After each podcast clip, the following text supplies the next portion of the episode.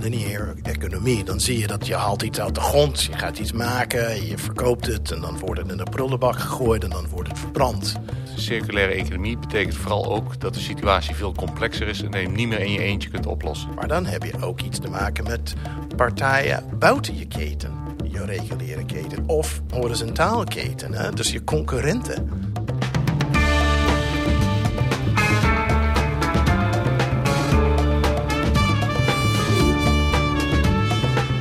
Nederland wil in 2050 een circulaire economie hebben. Maar wat is dat nou, die circulaire economie? En hoe komen we daar? Het gaat om het stellen van de juiste vragen, het hebben van grote ambities en dromen, maar ook om doen. Daarom kijken we in Dromen en Doen naar hoe op hogescholen in het hele land gewerkt wordt aan de circulaire economie van morgen. Mijn naam is Allard Amenink en elke aflevering ga ik in gesprek met twee leden van het lectorenplatform Circulaire Economie. Een overgang van een lineaire naar een circulaire economie vraagt ook om een nieuwe manier van samenwerken. Dat klinkt niet als het meest spannende of urgente onderdeel, maar het is wel de sleutel tot de economie van morgen. Ik spreek met Tom van Kolleburg, lector Improving Business aan Avans Hogeschool. En Donald Ropes, lector Leren en Ontwikkelen aan In Holland.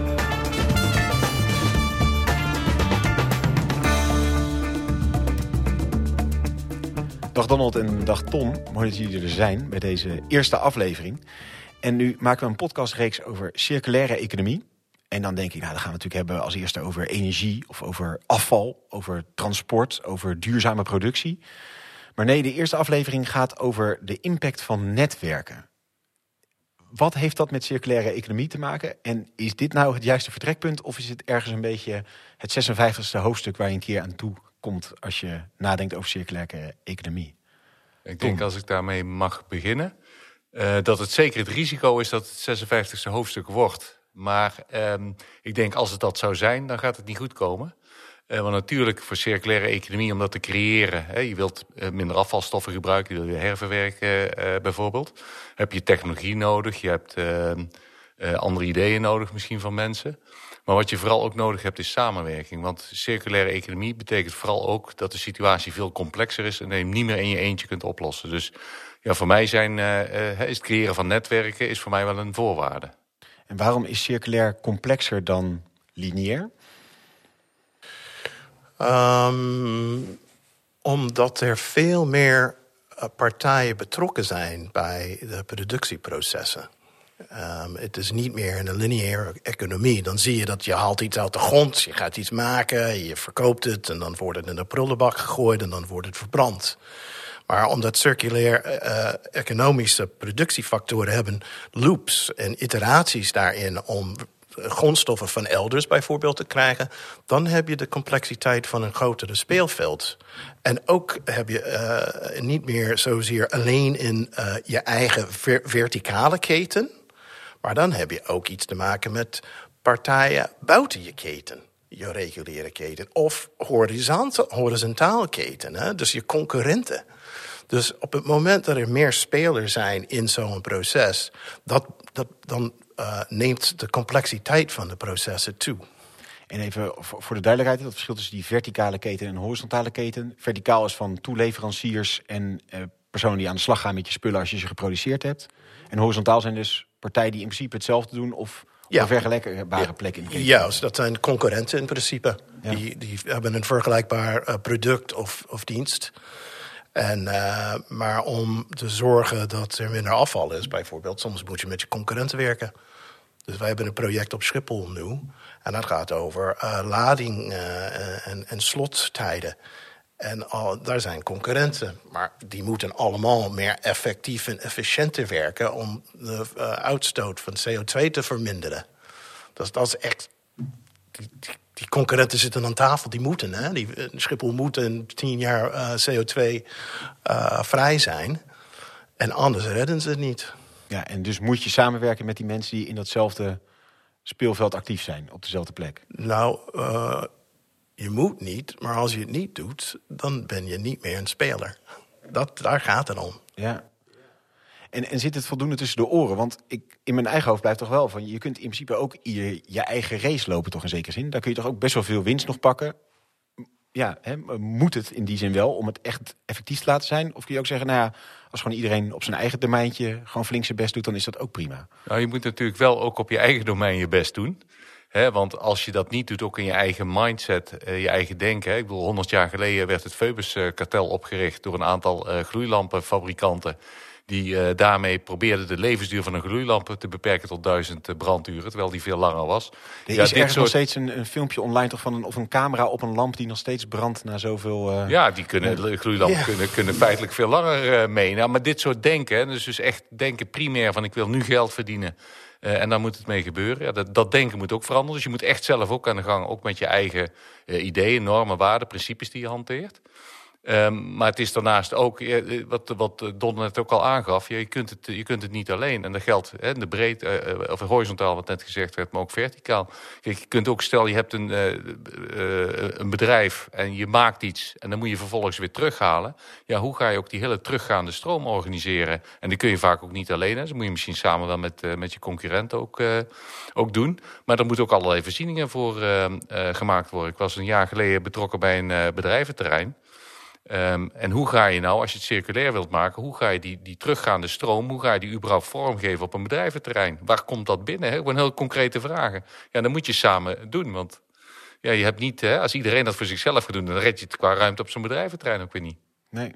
Nu is er bij dat voorbeeld van uh, de gloeilamp... wat dat zo het ultieme voorbeeld is van hoe je niet moet denken eigenlijk. Precies, ja. En daar was natuurlijk de belangen van alle spelers was duidelijk. Namelijk van ja, als we die gloeilamp te lang laten branden... dan gaan mensen weinig gloeilampen kopen dat is geld, slecht voor ons aller portemonnee. Planned obsolescence, heet ja, dat. Precies. Ja. Dus dat het bewust inderdaad een beperkte levensduur ja. Geldt voor veel producten nog steeds. Hè? Ik bedoel, ja. pak, pak je mobiele telefoon. Hè? Je krijgt updates, hè? want dan kan die steeds beter doen. Maar dat betekent ook dat je oude telefoon op een gegeven moment niet meer werkt... omdat de software er niet meer op draait. Hè? Dus precies hetzelfde wat daar nog, eh, wat daar nog ja, gebeurt. Op, op een wat subtielere en een mooier gevreemde manier... maar hetzelfde principe eigenlijk. Ja.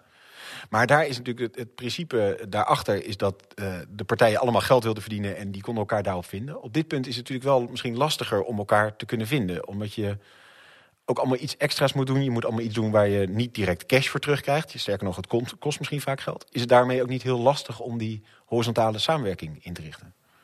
Nou, ik denk, al, je, je noemde net iets heel belangrijk... dat je misschien niet direct je return on investment ziet. Ik denk dat dat wel een heel belangrijk aspect is van de circulaire economie, samenwerking. Maar dat brengt mij ook op het idee van het is niet alleen samenwerking in het productieproces, maar het is ook samenwerking in innovatieprocessen.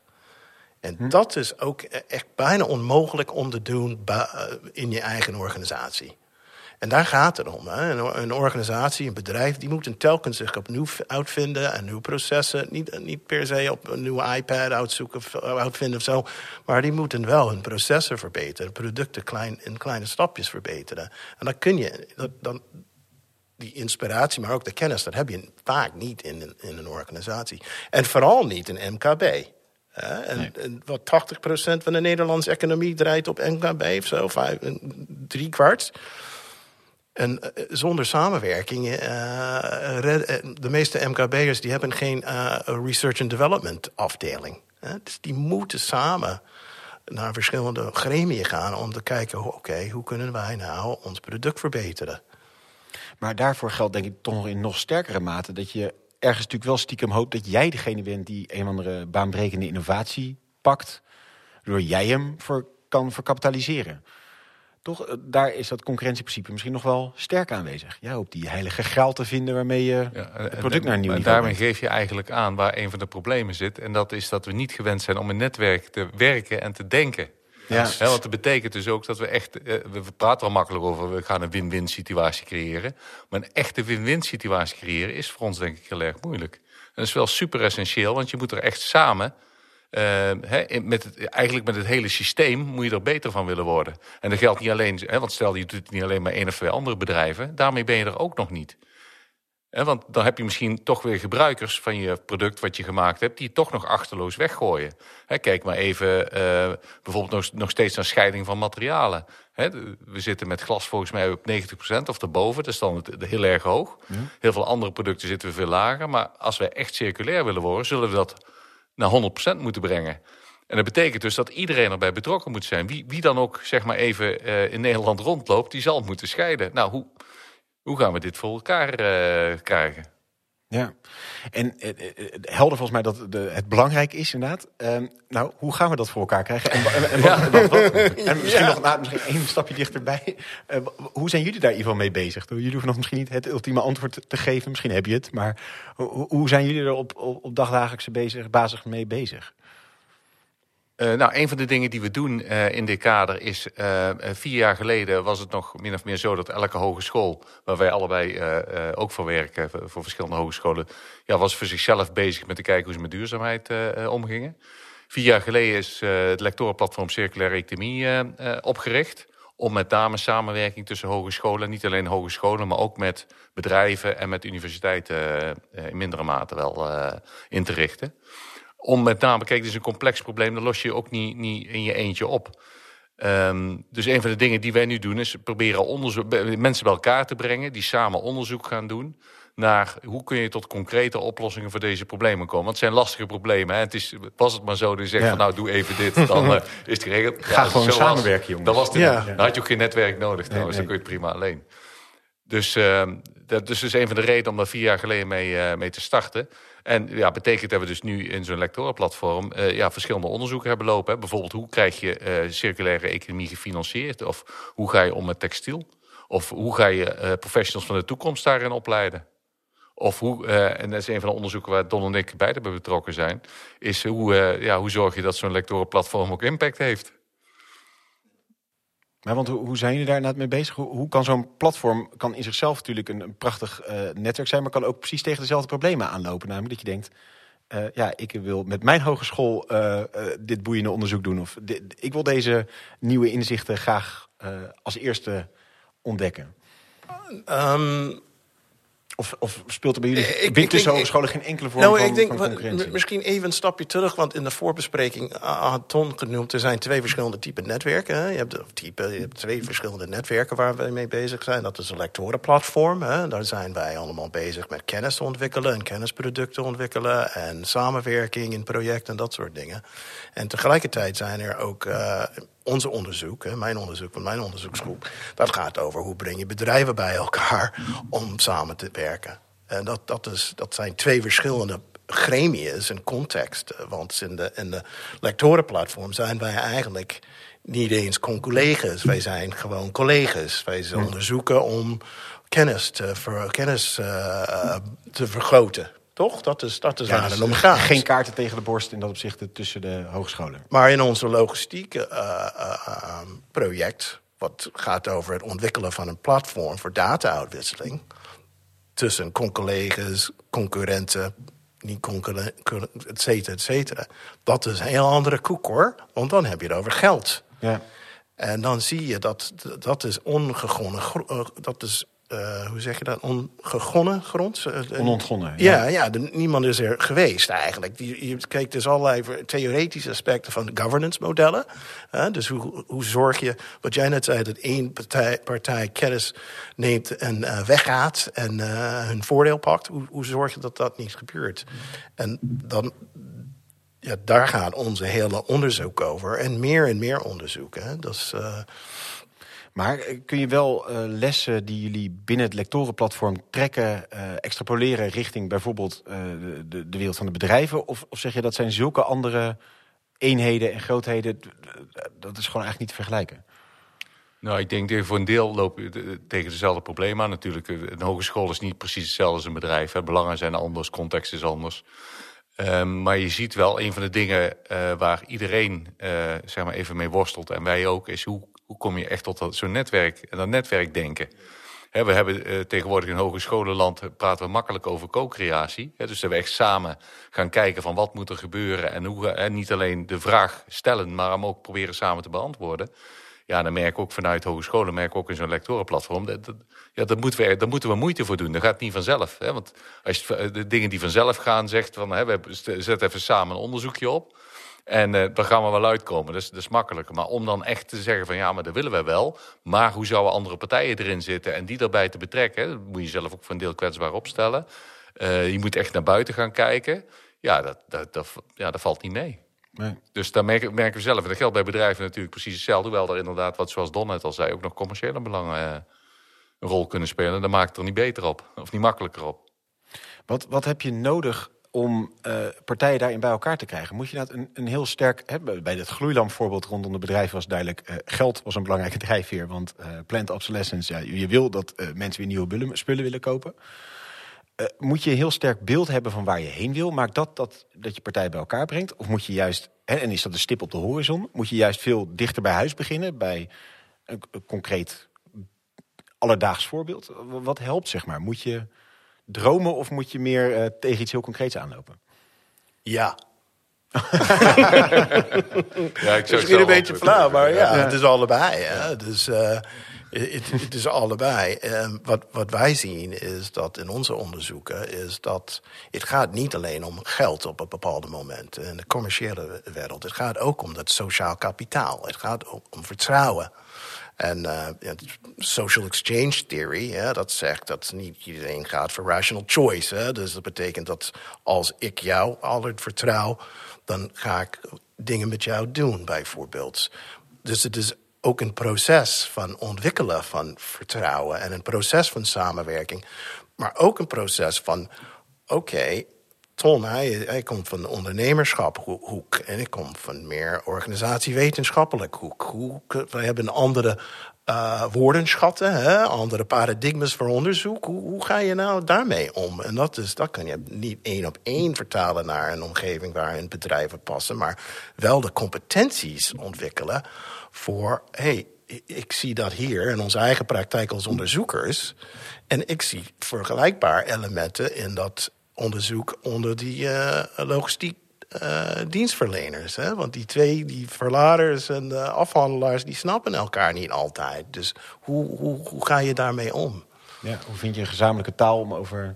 Ge- Gedeelde visie, hè? gedeelde eh, shared vision. Hè? Wat jij net zei, toekomst. Wat, want dat hebben wij in de lectorenplatform. Dat heb jij heel goed gezegd. Dat wij willen eigenlijk deze richting in gaan. En, eh, is, klopt dat? Willen wij dat met z'n allen? Ja. De- Het is heel groot. Het is, eh, de- we zeiden net al, het is echt ook een andere manier van denken, zeg maar. Eh, eh, Qua thematiek eh, gaat het, heeft natuurlijk ook in dat opzicht de mogelijkheid om over alles te gaan, deze vorm van samenwerking. Ik kan me voorstellen dat je bijvoorbeeld ook de hele, een hele sociale tak erbij pakt. Van, eh, we willen niet alleen dat het bijvoorbeeld over internationale handelsketens, we willen ook dat het positief bijdraagt aan de levens van mensen aan de andere kant van de wereld. hangt er ook direct mee samen. Dus, eh, die brug is heel makkelijk eh, eh, gemaakt natuurlijk. Want het gaat niet- alleen om dat je hè, zorgt dat dingen teruggewonnen worden. Maar je wilt het tegelijkertijd ook op een manier doen die ja, sociaal verantwoord is. Hè. Ik bedoel, kijk hoe wij nu met elektrificering omgaan in het kader van, van klimaatproblematiek. Eh, ja, we, we halen zware materialen uit de grond. Ja. Eh, de- eh, of nee, we halen metalen uit de grond, moet ik zeggen. Daar gebruiken we zware andere metalen bij, kwik en dat soort dingen. Ja, en er zijn mensen die dat moeten doen. En ehm, ik denk, hè, dit zou ook in Europa kunnen doen, want we hebben hier ook wel aardmetalen die, die hiervoor nodig zijn. Maar ja, dan komt het wel erg dicht bij huis qua vervuiling en zo natuurlijk. Dus dan Dus is het dit- prettig dit om het soort ergens in Congo te hebben. Ja. Ja. in China, ja. Dus dan halen we het uit China, hè. dat valt niet op en daar betalen we ook minder voor. En, eh, eh, maar dit soort sociale problemen zitten Ja. gewoon wel direct aangekoppeld. Hè. Dat is hetzelfde als je op een gegeven moment weer spullen moet, uit elkaar moet gaan, eh, gaan halen. hè, om, om ze weer te kunnen hergebruiken. Ja, daar heb je misschien wel bepaalde chemische processen bij nodig. Er hoeven niet al te, per se al te frisse chemische Nee. processen te zijn. Ja, maar hoe ga je er wel mee om? En hoe zorg je wel dat mensen daarin dan beschermd zijn? Voor mij hangt er dat direct aan vast. Ja. Maar dan, Mag- mag- mag- Ja, tuurlijk. eh, 110% met jou eens. En ik vind dat uh, Cirkelstad, dat gaat over circulair bouwen. Die hebben een uh, uitdrukking: geen afval, geen uitval. Dus die, die hebben dat heel mooi verwoord dat het niet alleen een technische proces is, maar wat jij net zei, je zorgt dat de mensen betrokken zijn ook. Dat het gaat niet alleen om het milieu, maar het gaat eigenlijk om de brede welvaart. Hoe kunnen wij zorgen dat mensen werk hebben, die, die, waar ze niet dood van uh, gaan, et cetera, et cetera. Dus dat, dat, die twee dingen die kun je niet uit elkaar halen. Nee, heel helder. En tegelijkertijd maakt me dat, brengt me terug bij mijn eerdere vraag: van moet je die kleine stappen zetten of die grote stappen? Het, lastige van hier de handen op elkaar krijgen met allerlei partijen. Als je zo'n grote, allesomvattende uh, transitie wil inzetten, is A, denk ik dat het heel moeilijk is om die handen op elkaar te krijgen. Of als je ze op elkaar krijgt, ja, dat mensen zich er eigenlijk ook niet helemaal aan je- Het is zo'n soort wereldvrede haastachtig doel dat iedereen er wel voor is. Maar als je dan naar de praktijk vertaalt, oh ja, dan blijkt het allemaal een stuk complexer. Ja, maar, eh, je diezelfde vraag daarmee? Is ook zo. En het is een beetje eh, Don zijn antwoord ja net. Ja, ja. Je- ja, je moet dat beeld, je moet die, die visie hebben, denk ik. Hè. Je moet weten waar je naartoe wilt.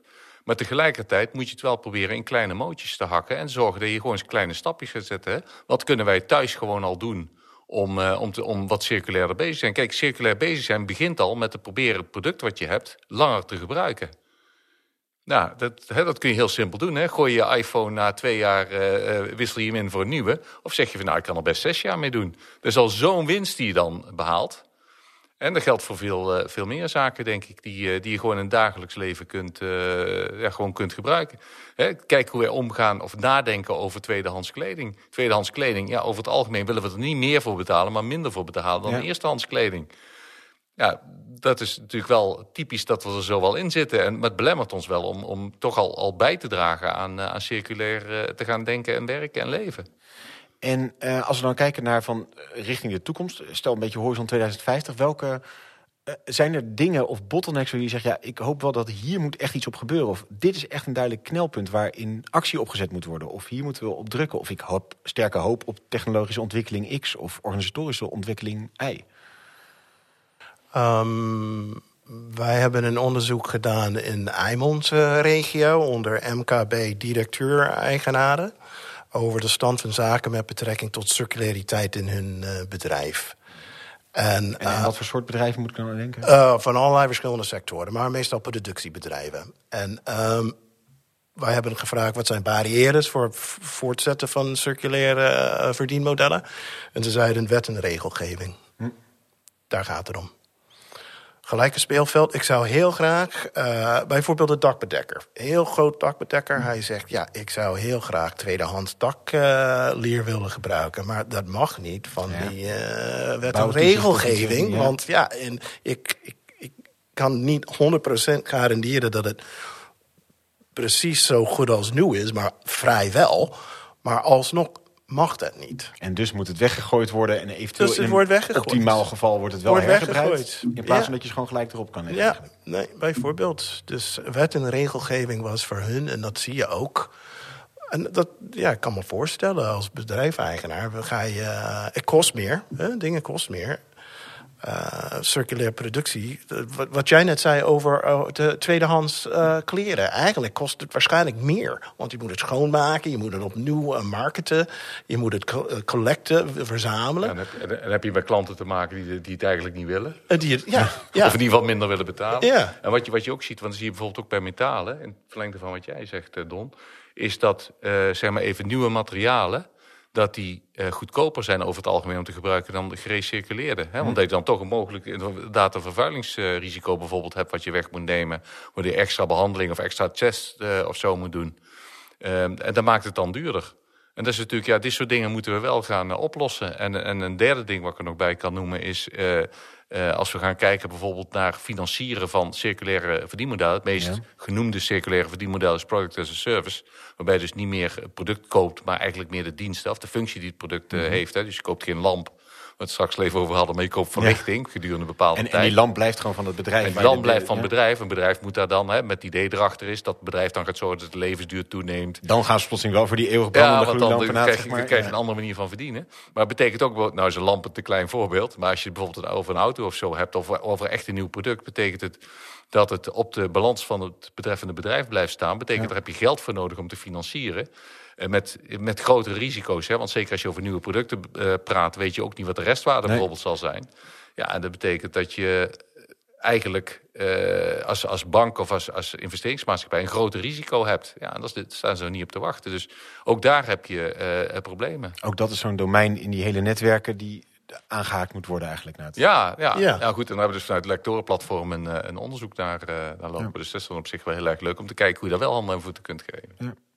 Eh, Want het gaat eigenlijk om een systemische verandering. Hè? En ik denk dat. Het gevaar is een beetje wat jij net zei, Aller, over... Uh, oh, het is zo groot. En iedereen denkt, nou, laat maar, want ik heb er helemaal niks mee te maken... of ik kan er niks aan doen. Maar dat is juist de fout. Wat Ton zei is, hou je iPhone uh, iets langer. Maar ik denk ook, het heeft iets te maken met het besef... dat het gaat gewoon pijn doen weet je, de transitie naar een circulair, duurzaam wereld... dat gaat gewoon ons pijn kosten. En ik denk dat de meeste mensen willen pijn vermijden. Ik wel in ieder geval. Ik denk, maar het gaat ons gewoon pijn kosten. En dat niet iedereen kan zomaar naar Barcelona voor uh, een uh, 25 euro uh, vliegen. Weet je, dat niet iedereen kan ver weg met vakantie. Maar, maar niet alleen dat. Maar uiteindelijk moet iedereen waarschijnlijk de thermostat iets lager zetten. En dat zien wij nu. Hè? Dat energie is veel meer kostbaar. En dingen worden meer kostbaar uiteindelijk. Ja. Maar ook, ook, dat zullen we meer bespreekbaar moeten gaan maken. Ja. Ik, ik stond uh, gisteren toevallig kwam het station uit, stond ik op de roltrap. Ik denk, waarom sta ik nu eigenlijk op een roltrap? Ik kan toch makkelijk naar beneden lopen? En om maar even een voorbeeld te noemen, hè, van het zijn, dit, dit is iets heel kleins. Maar waarom waar, hè, dit is dan zogenaamd makkelijk. Maar het is niet eens goed, hè, want zeker als je een beetje op je gewicht wilt letten, dan uh, kun je beter, trap, pakken. Ja, ja, het, het mes snijdt aan verschillende kanten. Uh, uh, ja, en, en, voor mensen in een rolstoel, die moeten toch de lift ja, hebben. Maar, ja. maar zo zie je het bijvoorbeeld ook met, met deelmobiliteit. Bijvoorbeeld fiets, elektrische fietsen, elektrische scooters. Hè. Dan zijn we zeggen van ja, dat is makkelijk en fijn. En hè, dan is het bij, bij fietsen ook nog soms wel eens het excuus van... Hè, want daarmee halen we mensen uit de auto. Nou, dat schijnt heel erg mee, mee te vallen of tegen te vallen, beter gezegd. Um, Terwijl tegelijkertijd, op het moment dat je zelf moet fietsen, ja, dan kost het energie. Dus ook qua uh, obesitas uh, als, als, maatschappelijk probleem speelt dat wel een rol. Dus ja, je kunt daar veel. we kunnen op een aantal punten kunnen we makkelijk wat minder. Zonder dat het veel moeite kost, denk ik. We moeten wel de bereidheid hebben om het te doen. En ja, voor dat altijd hebben. Ja. Tot slot, um, ik hoorde um, je net ook zeggen, Don, van wet en regelgeving. Welke rol speelt de overheid in dit alles inderdaad? Ik hoor je veel over bedrijven, hogescholen. Uh, die rol van de overheid daarin, wat, is die? Is die ook aanjagend? Is die vooral naar randvoorwaarden scheppend? Ja, het is bijna een soort politiek-filosofische vraag misschien, maar ik ben benieuwd hoe jullie tegenkomen. Nou, ja, ik heb wel een sterke mening daarover, maar ik vind dat de overheid onvoldoende uh, interveneert in de economie en in de processen. Ik denk dat als ze echt iets wil bereiken, dan had het al langer geleden moeten van start moest gaan. En ik denk dat alsnog dat het uh, dat idee van het moet re, uh, realistisch en betaalbaar zijn, dat is het niet. Het is allebei niet. En dat, dat besef, dat, dat hebben wij niet in de overheid. Want die willen ook zorgen dat ze geen pijn onder de kiezers, ja. Voor de afrekening over korte Ja, maar ja, kijk, dat is het. De politiek is meestal vier jaar. En dan uh, wil je ook herkozen worden. En als je zegt, ja, sorry, maar die treinkaartjes of, de of die tickets naar Barcelona in plaats van 25 euro, die kosten uh, 250 euro. Ja, die worden niet meer herkozen. Ja, en ook, uh, we, doen niet het kwartje van Kok eraf nu met benzine, maar we doen het treinkaartje goedkoop of iets ergens. Ja, dat zijn allemaal lastige uh, afwegingen om te maken. Ja, ja maar het, voor mij gaat het allemaal om, dat pijn. Het is, uh, niemand wil dat lijden. De overheid wil dat ook niet. Tegelijkertijd, om het toch iets positiefs te. Oh, ja. Sorry. zie ik ook wel, hè, als ik kijk, hè, we zijn nu vier jaar bezig met een lectorenplatform. Wij krijgen daar subsidie voor. Vanuit de overheid met SIA in ons uh, geval.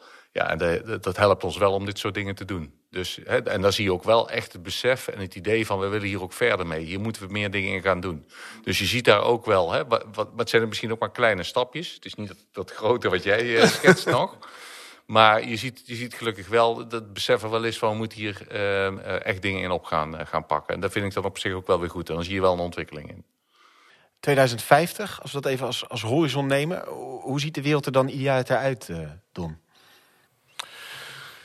Ja, ik werk in de economische domein. Dus vanuit dat perspectief, dan zie ik dat elke bedrijf uh, uh, een circulair verdienmodel heeft. Of, of een circulair verdienmodel heeft. Of een verdienmodel wat veel elementen van circulariteit bevat. Dat is één ding. Um, een andere is dat uh, onze studenten zijn allemaal bereid om vanuit dat circulair ondernemerschap perspectief te denken. Die weten niets anders. Hm. Dus hoe ziet de wereld in 2050 uit? Ik denk dat niet dat het helemaal alles is circulair. Maar ik denk dat wij echt een flink stap verder zijn. En dat komt ook door de lectorenplatform. Hoe keihard bezig wij zijn in onze hogescholen met het bevorderen van circulair competenties, of ik weet niet hoe je precies uh, die, die uh, zou kunnen noemen, maar omgaan met in plaats van alleen die uh, business can canvas model, dat onze studenten in 2050, die weten precies hoe dat circulair business canvas model werkt. Circulair als de default eigenlijk in plaats van. ja, ja, die kennen niks anders. Ja. En Ton, wat zou jij uh, nou, van wat jij zegt, hè, wat je nu ziet, hè, is dat we studenten wel kostenbaatanalyses leren, maar dan echt alleen op financiën toegespitst. En dan hoop ik inderdaad dat we daarin ook, uh, ook andere elementen in gaan uh, meenemen. Dus ik hoop voor 2050 dat we echt het lineaire denken uh, waarin we zo vastgeroest zitten dat we dat achter ons uh, gelaten hebben. Ik noemde straks al uh, elektrificering en, en batterijen en zo. Geldt voor windmolens geldt dat hetzelfde. We, we, zijn bezig windmolenparken op te zetten. Met, die windmolens hebben wieken, die worden van composiet gemaakt.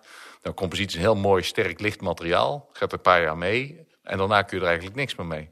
je kunt er nog een keer, er zijn wel architecten die dan een bankje van maken of zo. Maar daar, daar stopt het dan. En ik hoop echt dat we daar uh, voor dit soort dingen dat echt verder doordenken om te kijken wat zijn nou precies de consequenties en hoe kunnen we ook die problemen die daarmee uh, mee, optreden, hoe kunnen we die oplossen? Ja, als je, we gaan windmolenpark op zee bouwen, ja, er zal onderhoud moeten plaatsvinden. Hoe komen die mensen bij die windmolens? Um, de, de, volgens mij gaan ze nu met een helikopter naartoe. Uh, ja. ja. maar het zijn wel dingen, we moeten, ja. het, echt het lineaire moeten we, moeten we er compleet proberen uit, uh, uh, uit te bannen. Ja, en heel helder, dat kan niet in losse kokers, maar dat moet... Ja. Dank jullie wel. Dank voor het luisteren. Deze podcast is een productie van het lectorenplatform Circulaire Economie en het Groene Brein. En mede mogelijk gemaakt door de leden van het platform, regieorgaan SIA. Wil je meer weten? Kijk dan op www.hetgroenebrein.nl slash programma's slash lectorenplatform CE.